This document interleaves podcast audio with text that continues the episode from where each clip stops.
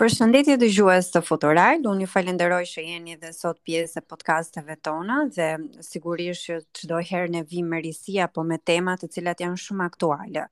Megjithatë unë kam një të ftuar shumë speciale në ditën e sotme, e cila do flas uh, jo vetëm për punën e saj, por edhe për gjithçka ndodh, edhe gjithçka punohet, edhe më pas shërbehet tek të gjithë ne në forma dhe në mënyra nga më të ndryshmet. Dhe më pas flitet edhe bashkëpunohet me institucionet, organizatat, por jo vetëm. Përpara se ajo të bëj uh, prezantimin, unë do doja që t'ju prezantoja fillimisht me Adena Vangjeli, e cila është menaxhere programi pranë Aven. Përshëndetje, Adena. Përshëndetje, Doralda. Falemderit për ftesën. Uh, falemderit që bët edhe Aven pjesë të, të këtij podcasti. Për ne është kënaqësi dhe besoj që edhe dëgjuesit e Futuralit do do mundohen të kuptojnë akoma edhe më tepër se çfarë bën Aven. Po përpara se ta thoja këtë gjë, domethënë përpara se të bisedojmë bashkë për këtë pjesë dhe për çështjet sigurisht që janë më aktuale dhe më të rëndësishme për t'u diskutuar se kur bëhet fjalë për vajzat dhe gratë, pastaj është nuk do mjaftonte një podcast. por doja të theksoja rolin që që ti ke dhe punën shumëvjeçare që ka të bëjë në fushën e mbrojtjes së të drejtave të grave dhe të vajzave. Aden, si është të punosh për vajzat dhe gratë me vajzat dhe gratë? Ëm um, mund të them me plot bindje që është një punë shumë e bukur, por jashtëzakonisht shumë sfiduese, mm -hmm. sepse jetojmë në një shoqëri që um, ku gratë, vajzat diskriminohen, jetojmë në një shoqëri ku ende nuk mund të flasim për barazi gjinore, pavarësisht se punohet fort në këtë fushë. Mhm. Mm uh, Unë e di që sigurisht Aveni ka një kohë shumë të gjatë për të cilën punon për të drejtat e vajzave dhe të grave. Po si ka lindur si ide? Domethënë, ku janë parë ato çështje të cilat Avenit i është dashur që të reagojë edhe më pas t'i kthejë ato në kauza? um, themelimi i Aven është parë si si diçka e nevojshme. Aven në vetvete është një rrjet organizatash, grash, mhm. të shpërndara në gjithë Shqipërinë. Uh, rrjeti i fuqizimit të gruas në Shqipëri, siç thuhet edhe, edhe në mhm. shqip, përbëhet nga 10 organizata anëtare, janë organizata që uh, mbrojnë gratë, që promovojnë të drejtat e grave, nga veriu në në jug të të Shqipërisë. Dhe lindi si një nevojë për të bërë bashkë zërin e të gjitha organizatave të grave ë uh, të shpërndara gjeografikisht nga veriu në jug në jug të Shqipërisë. Dhe për të qenë një zë më i fuqishëm në qoftë për lobim, advokaci, për përmirësimin e politikave kombëtare në fushën e mbrojtjes së të drejtave të grave, por edhe në dhënien e asistencës direkte për gratë, vajzat, viktima të dhunës me bazë gjinore, dhunës në familje, trafikimit e të tjerë. Mm -hmm. uh, në fakt unë do doja që të diskutonim në fakt te kjo pjesë dhe doja të të pyesja sepse puna jote është e drejtpërdrejtë. pse gratë vazhdojnë të konsiderohen një nga grupet më të diskriminuara në Shqipëri. Domethënë, a ka shkaqe konkrete për të cilat uh, janë janë evidente dhe do duhet që të marrim masa vazhdimisht? Um, gratë vazhdojnë të mbeten një nga shtresat më vulnerabël të, të shoqërisë. E përmenda dhe pak më parë në momentin që ende nuk mund të flasim për barazi gjinore, mm -hmm. patjetër që gratë uh, janë të diskriminuara. dhe e vëmë re çdo ditë, e vëmë re qoftë në tek gratë e thjeshta të profesioneve të ndryshme, e vëmë gratë e vëmë re te gratë në politikë dhe vendimmarrje, mm -hmm. por edhe në punësimin e tyre në arsimimin. Doja të përmendja vetëm një fakt që aktualisht në universitetet shqiptare studiojnë mbi 60% uh, mhm. vajza. Pra janë të diplomuar dhe diplomohen mbi 60% vajza, pra më shumë se sa se sa burra. Djem, po. Dhe djem. Por uh, aktualisht janë të punësuara më pak gra dhe vajza se sa burra. Si shpjegohet kjo? Domethënë, çfarë, çfarë ka çaluar, apo çfarë ka akoma nevojë për t'u përmirësuar në këtë shoqërinë tonë që duket sikur i diskriminon apo i mënjanon vajzat e gratë? Kanë nevojë të përmirësohen politikat. Um, ne kemi po po thoja që ne kemi uh, legjislacion të mirë, kemi mm -hmm. adaptuar shumë mirë legjislacionin europian, legjislacionin ndërkombëtar, kemi aprovuar konventa ndërkombëtare për mbrojtjen e grave, por çalojmë shumë në, në implementim. Dhe nuk lodhemi duke përsëritur që ato politika, ai kuadër ligjor që ne ne miratojmë, patjetër duhet të shoqërohen me buxhete përkatëse në mënyrë që të implementohen në mënyrë efektivisht në në Shqipëri. E kuptoj. Pra, um, jo jo të mbetet vetëm në aspektin ligjor, po edhe të të të, të, duket rezultati patjetër. lidhur me um, pyetjen e mëparshme për faktorët, cilët janë mhm. faktorët që ndikojnë në në dhunën me bazë gjinore apo në diskriminimin e grave në Shqipëri.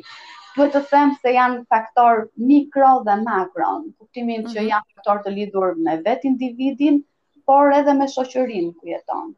Individi, familja, komuniteti ku ai jeton, por edhe shoqëria, shoqëria e gjerë.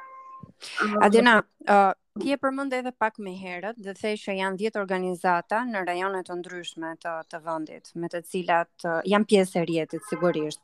A ka diferenca midis uh, problematikave të zonave veriore, jugore apo të, të Shqipërisë qendrore? Domethënë, uh, këto problematikat janë për të gjitha vajzat dhe gratë apo ka disa zona që ka disa lloj problematika është të ndryshme apo të theksuara?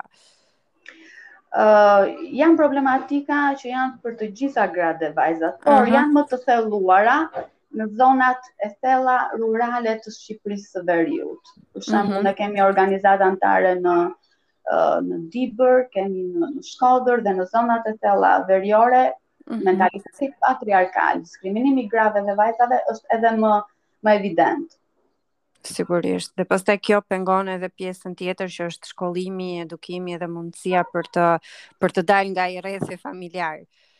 Po në po. fakt unë do doja që të fokusohesha tek dhuna, sepse ne gjatë gjithë kohës shohim raste kur uh, vajzat kryesisht janë ato që e pësojnë më tepër dhunën, qoftë dhunën në familje, por edhe dhunën në komunitet, diskriminimin, bullizmin, si qëndron e vërteta e këtij fenomeni. Domethënë, disa shkaqe apo disa gjëra të cilat ne si shoqëri duhet t'i ndryshojmë dhe për çfarë kemi më tepër nevojë. Um, Unë mund të përmend këtu të dhëna nga një tek nga botimi më i fundit i Instat, Institutit mm -hmm. Statistikave Shqiptar në fakt. Çdo uh, vit Instituti i Statistikave uh, publikon uh, botimin Gratë dhe Burrat në Shqipëri. Mm -hmm. Dhe në botimin e vitit 2021 ishin më tepër se uh, 50% në mos gaboj rreth 53% e grave dhe vajzave, të cilat kishin shprehur në anke, në anketim se kanë qenë të dhunuara të paktën një herë në jetën e tyre. Dhe aktualisht, pra mbi 50%, dhe aktualisht mbi uh, 35% ishin shprehur që po përjetonin dhunë. Uh mhm. -huh. Pra janë shifra goxha alarmante, të mendosh 1 në 3 gra, ndoshta dhe më tepër. Uh mhm. -huh. Uh, përjeton dhunë dhe uh, e keqja është se shumë pak prej tyre e raportojnë dhunën. Në nivel global, me sa di unë, janë 4 në 10 gra që raportojnë dhunën. Pra, 6 gra të tjera në 10 nuk e raportojnë, por zgjedhin që dhuna të mbetet brenda brenda në heshtje. Pse ndodh ky fenomen? Të paktën në Shqipëri, pse gratë dhe vajzat nuk e raportojnë dhunën? Nga eksperienca jote, nga edhe, kontaktet, nga... Po, edhe këto uh, janë faktor lidhur me individin, por edhe me shoqërinë. Duhet thënë mm -hmm. se në Shqipëri mungon besimi në institucionet e drejtësisë dhe mm -hmm. besimi në shërbimet mbështetëse për viktimat. um, aktualisht në Shqipëri 90% e shërbimeve sociale ofrohen nga organizata të shoqërisë civile dhe shumë pak shërbime sociale nga shteti. Nuk jemi shumë të fuqishëm mhm. në këtë pjesë, në ofrimin e shërbimeve, mbështetëse për viktimat e dhunës, në mënyrë që ato të ndihen të sigurta, ë uh, se do të mbështeten dhe të ndihen të sigurta kur raportojnë ose shkojnë denoncojnë dhunën, qoftë në polici apo dhe institucione të tjera. E kuptoj dhe besoj që do duhet akoma edhe më tepër punë për çështje të mentalitetit dhe sigurisht që kjo nuk zgjidhet brenda një dite, por me edukim edhe këmbgulje të vazhdueshme. Në fakt, unë do doja të të pyesja edhe për për dy gjëra të tjera, sepse uh, unë e di që uh, rjeti juaj, domethënë rjeti AWEN, punon për mbrojtjen e të drejtave të njeriut, por që ai është i fokusuar në tre shtylla apo jo, që është dhuna kundër grave, fuqizimi ekonomik i grave dhe pjesëmarrja e grave në politikë.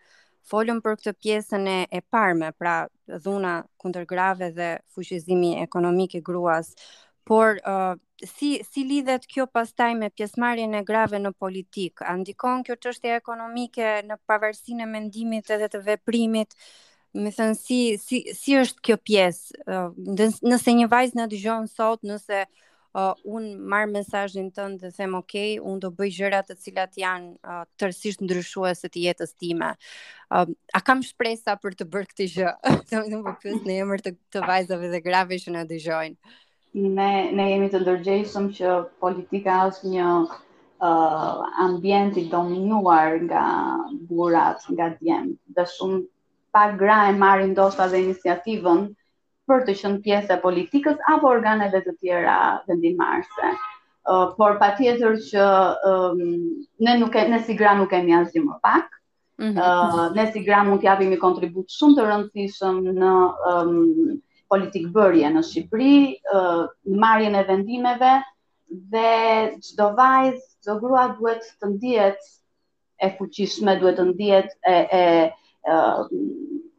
e fuqizuar për të dhënë kontributin e saj në në politikë dhe vendimmarrje. Dim që procesi i politikës dhe vendimmarrjes janë është një nga një nga fushat ku na përcakton në një farë mënyre të ardhmen.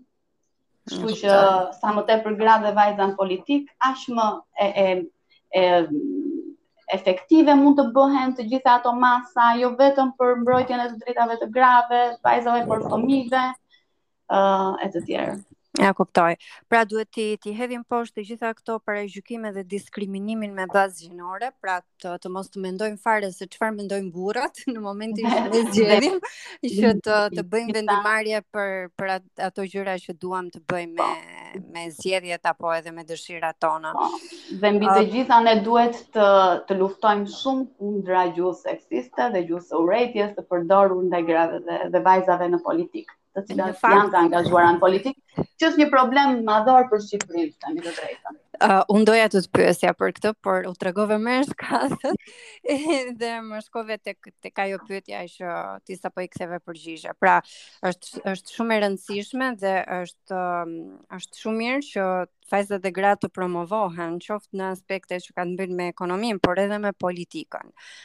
Uh, në fakt, unë tani, se ta ta thashë edhe në komunikimin më përpara që koha në podcast fluturon edhe do të të duket si një bisedë shumë shumë e thjeshtë me me njëra tjetrën, por uh, përpara se se ta mbyllim, uh, unë në fakt do doja që uh, ti të të na jepje një mesazh për të gjitha vajzat dhe gratë, po pse jo edhe për djemtë dhe burrat që dëgjojnë podcastet e Futuralit edhe sigurisht që frymëzohen nga modelet modelet pozitive.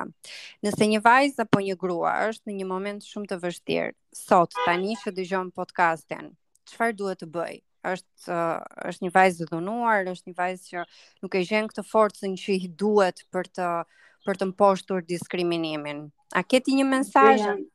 Po, gjëja më e rëndësishme për t'u thënë është se duhet patjetër të raportojnë nëse nuk preferojnë të shkojnë në polici për të raportuar dhunën, të kërkojnë uh, mbështetje ndihmë pranë uh, organizatave, pranë shërbimit social, pranë punonjësve social të bashkive apo njësive administrative ku ku ato jetojnë uh, pasi Dhuna e dimë është një cikël i mbyllur. Mm -hmm. Vazhdon.